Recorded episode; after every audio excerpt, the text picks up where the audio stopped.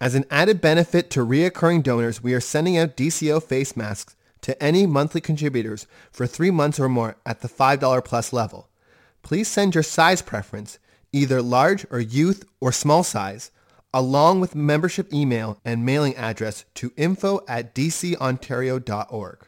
And you can check out what they look like in the show notes. This podcast was specifically created for Distress and Crisis Ontario organizations and their volunteer responders to provide training and educational assistance on a variety of topics.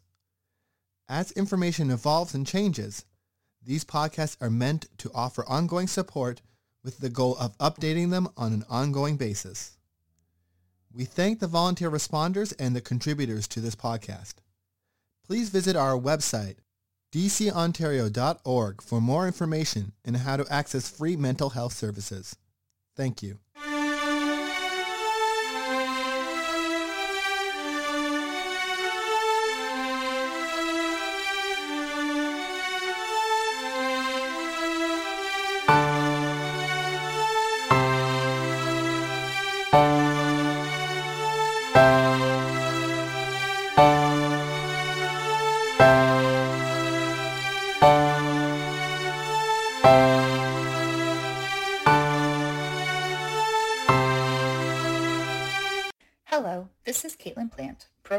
Manager for Distress and Crisis Ontario, or DCO for short. This week, to finish off our month of introducing who we are, I will be sharing some information on the services we offer outside of the Ontario Online Text Crisis Service, or ONTX, which we released an episode on two weeks ago. We wanted to share more about what we do to raise awareness of the resources we have and to further explain what some of the benefits are to organizations who choose to become members of our association. To begin, I will talk about the resources we have that are accessible to both the general public and our members. Our website, dcontario.org, is a great place to start. From here, you can access the ONTX program, all of our social media pages, this podcast, and copies of our newsletter. You can read updates, information, and news from ourselves and our member centers, find the locations and contact information of all of our members, search through our extensive list of additional useful resources, and more. We aim to ensure that all information shared on our site is current, accurate, and accessible, and work diligently to fix any issues that may arise as quickly as we can. If you are curious to know more about us, our members, or other mental health resources available across the province, I would encourage you to give our site a visit. If you would like to receive regular updates about what is happening within the DCO network and around the province, you could sign up for our monthly newsletter. At the beginning of every month, we share a look at what's to come in the weeks ahead, news from the province, especially COVID vaccination and reopening updates these days, and updates from ourselves and our members. We also include two or three articles that we think others may find interesting or informative, and try to include some lighter pieces just for fun. If you would like to receive our newsletter, you can fill out the sign-up form on our website's homepage, towards the bottom of the page. If you are a first-time or relatively new listener, welcome to the podcast. We use this space to provide what we hope is useful information on a variety of topics. We usually bring on guests to interview and also provide the odd episode like this one, with one person providing information. Some of our more recent themes have been resiliency, COVID-related updates, caregiving and caregiver stress, suicidality, addictions, and hope. If you would like to go back and listen to old episodes, you can find us on most podcast providers under the name Distress and Crisis Ontario. Finally, our two big events of the year, our annual conference and annual general meeting, are also open to the public. Every winter, we host a by-registration ticketed conference on a topic that feels relevant to current events. We invite subject matter experts to come and share their knowledge with our attendees and, when possible, allow for a time of questions and answers post-presentation. We also take some time to bring our members together for networking and member-only updates to foster connections and partnerships within the association.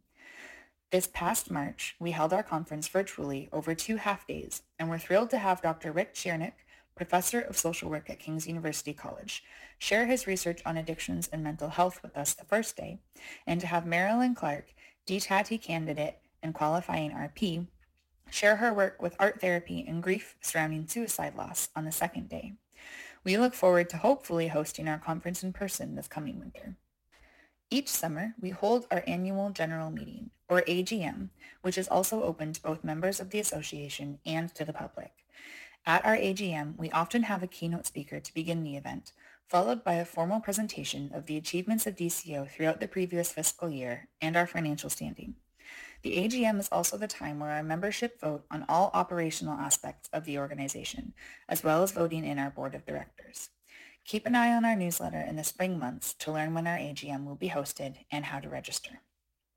Now, on to the benefits of membership with DCO. Along with the opportunity to become a partner in the ONTX program, membership brings access to webinars for both leadership and volunteers, members-only training materials, emails including information and funding opportunities specific to the membership, and the support of committees that are dedicated to the growth and wellness of the distress and crisis sector.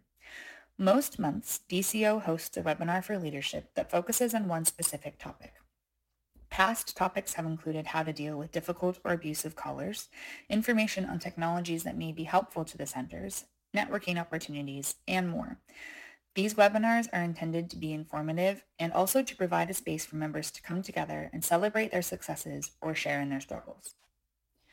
Our Spirit of Volunteerism Committee has also begun hosting monthly webinars for both leadership and the volunteers of our member centers to come together and learn about relevant issues from both subject matter experts and each other. This is a new program, but so far we have hosted two successful webinars about working from home and how to end difficult calls. Our next webinar will be held in August on the topic of suicidality and how to support someone who may be experiencing suicidal ideation. After each webinar, we provide a feedback form to ask for input on what was just presented and for any requests that volunteers have for future subject matter. So far, our feedback has been positive and we look forward to continuing these webinars. The final piece that I would like to touch on is that of our members-only training materials. Currently, DCO hosts about 60 videos on many different topics that are relevant to the distress and crisis sector. There are videos that provide information specific to volunteering, like how to write reports, maintain limits and boundaries, and practice active listening. And there are also videos that provide insight into specific disorders, struggles, and human experiences that callers may be wanting to talk about. These videos are meant to provide volunteers with a basic understanding of each of these things so that they can effectively support their callers. DCO is currently in the process of creating new and updated content to add to these existing videos. To provide an example of what these training materials are like, this podcast will end with two audio clips from some of our newest modules. To begin, we will hear a small piece of John Denner's presentation on grief and mourning, followed by a clip from an interview on panic attacks, otherwise known as anxiety attacks. Please feel free to skip ahead if either of these topics makes you feel uncomfortable. Now let's begin with John's introduction to grief. Today we're going to be talking on the topic of grief and loss. And as part of this presentation, we're going to be covering off the following topics. We'll start with terms and definitions, moving on to the relationship between grief and loss. We then shifting to discussing grief, loss, and the human experience, followed by grieving the different types of loss, what signs of grief respondents should be looking for, how people typically process the grief they're experiencing, the responder's role in all of this, and finally, we'll make reference to some available resources in addition to the content that I'll be delivering here today. So starting with terms and definitions, here's some, some, some key uh, language that's important to know what they mean, starting with grief. Grief is really the deep sorrow in response to the suffering associated with a significant loss. And loss is the absence or disappearance of something, really anything, of value. Mourning and grieving, they're two processes whereby a person expresses grief while adjusting to the reality of their loss. And finally, resilience. That's the capacity to recover from loss or from other difficulties. So the relationship between grief and loss. Grieving or mourning of a loss is really like the process of, of healing after a physical injury. It's about adapting to the loss. The focus is on nurturing the griever's resilience and supporting the process of how to work through that experience that is grieving. It's important to note now, we'll talk about it later, but closure may never be the outcome of the grieving process. Grief is really a, a natural part of the human experience. It's, it's linked to our tendency to create strong bonds with others and those things that are really of importance and value to us. Grief is the strong emotional reaction when those bonds are either threatened or broken. And it's really the result of an innate desire in each of us for relational security and the protection that we need that forms at a very early age. And, and our goal or desire in all of that is for these and other close relationships and connections to endure. So grief really exposes these needs in a person and it then points to the need to face loss with all that we can muster. Dr. Susan Cadell is the professor of uh, the School of Social Work at the University of Waterloo, and, and she says that, that grief is not a disorder, it's not a disease or a sign of weakness. It is an emotional, physical, and spiritual necessity. It is the price one pays for love. And the only cure for grief is to grieve. The world in which we live does not always handle grief well.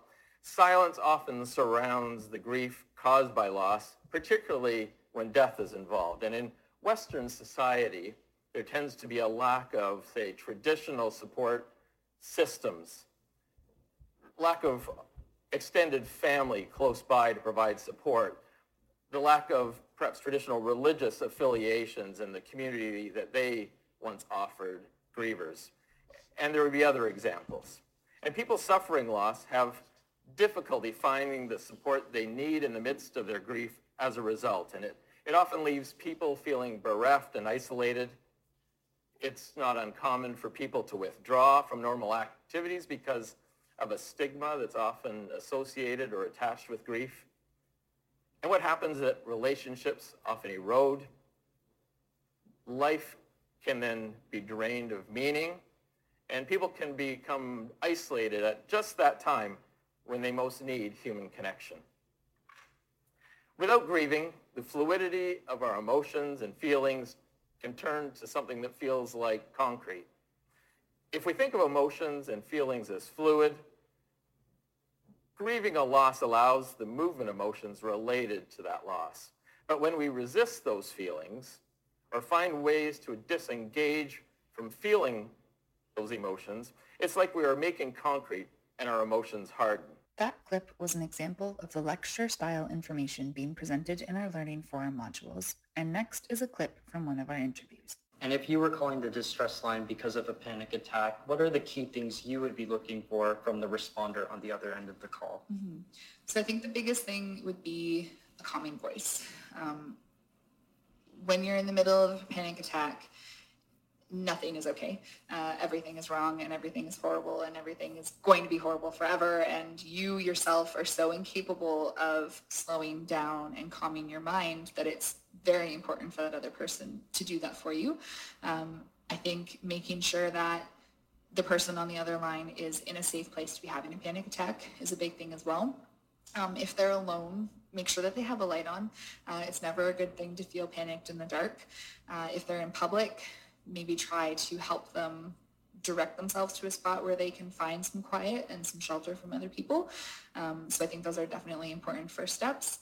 Um, and then, yeah, just do everything you can possibly think of to ground them and distract them and pull their mind uh, from where it's stuck. So things like trying to get them to focus on their surroundings, giving them like simple math equations, um, even sometimes just asking them to focus on one thing that happened to them that day and telling you about it in so much detail, like more detail than you would ever necessarily want to know from someone. Um, those are the kinds of things that can really help slow your thoughts and, and calm the mind. Um, I would also suggest to never use the phrase calm down um, or to necessarily even say that you'll be okay. um, because it doesn't feel like that. It really, really doesn't feel like you're capable of being okay sometimes, especially when it's a bad one. So to have someone who isn't experiencing what you're experiencing sit there and say, calm down, you'll be fine, it kind of makes you feel worse because you know that you should be fine and you know that you shouldn't be experiencing this anxiety to the extent that you are. And it just makes it harder to then find that sense of calm. Um, so yeah, I think just making sure that you're you're approaching it from a non-judgmental place and, and you're bringing the calmness to them. Uh, those are the most helpful things. Mm-hmm. And what is one thing about understanding panic attacks that you feel that others may often overlook? Mm-hmm. So I do think that sometimes people don't understand how bad a panic attack can be. Um, sometimes, yes, it can be to a, a lower degree of discomfort, but sometimes it's honestly your entire body is just terrified. There have been times where it felt like my heart was going to explode because it was pounding so hard for so long and I didn't know what to do about it. I couldn't see anything around me. I couldn't hear anything. Like it was, it felt impossible to get out of that. Um, and then when you do get through it and you do realize you're okay, you are absolutely exhausted uh, because you've just mentally and physically totally gone through the wringer. And I don't think that people realize that sometimes if it's not something that they've experienced themselves. And I would not wish it on anyone. Um, so I, I, hope that most people have never experienced it themselves. Um, and I think too, understanding that once you've had a panic attack, you can never really approach life the same way again. Um, there are days where I will wake up and I will have this underlying feeling of just not being okay. And nine times out of 10, there's found a reason for it. And maybe four times out of 10, it actually leads to a panic attack. And most of the time it doesn't. But those are the days where I have learned to let the people around me know, hey, I'm feeling really anxious today. So if I'm a little bit distracted, it just means that my mind is focused elsewhere, trying to make sure that this small feeling of anxiety doesn't build and turn into something bigger.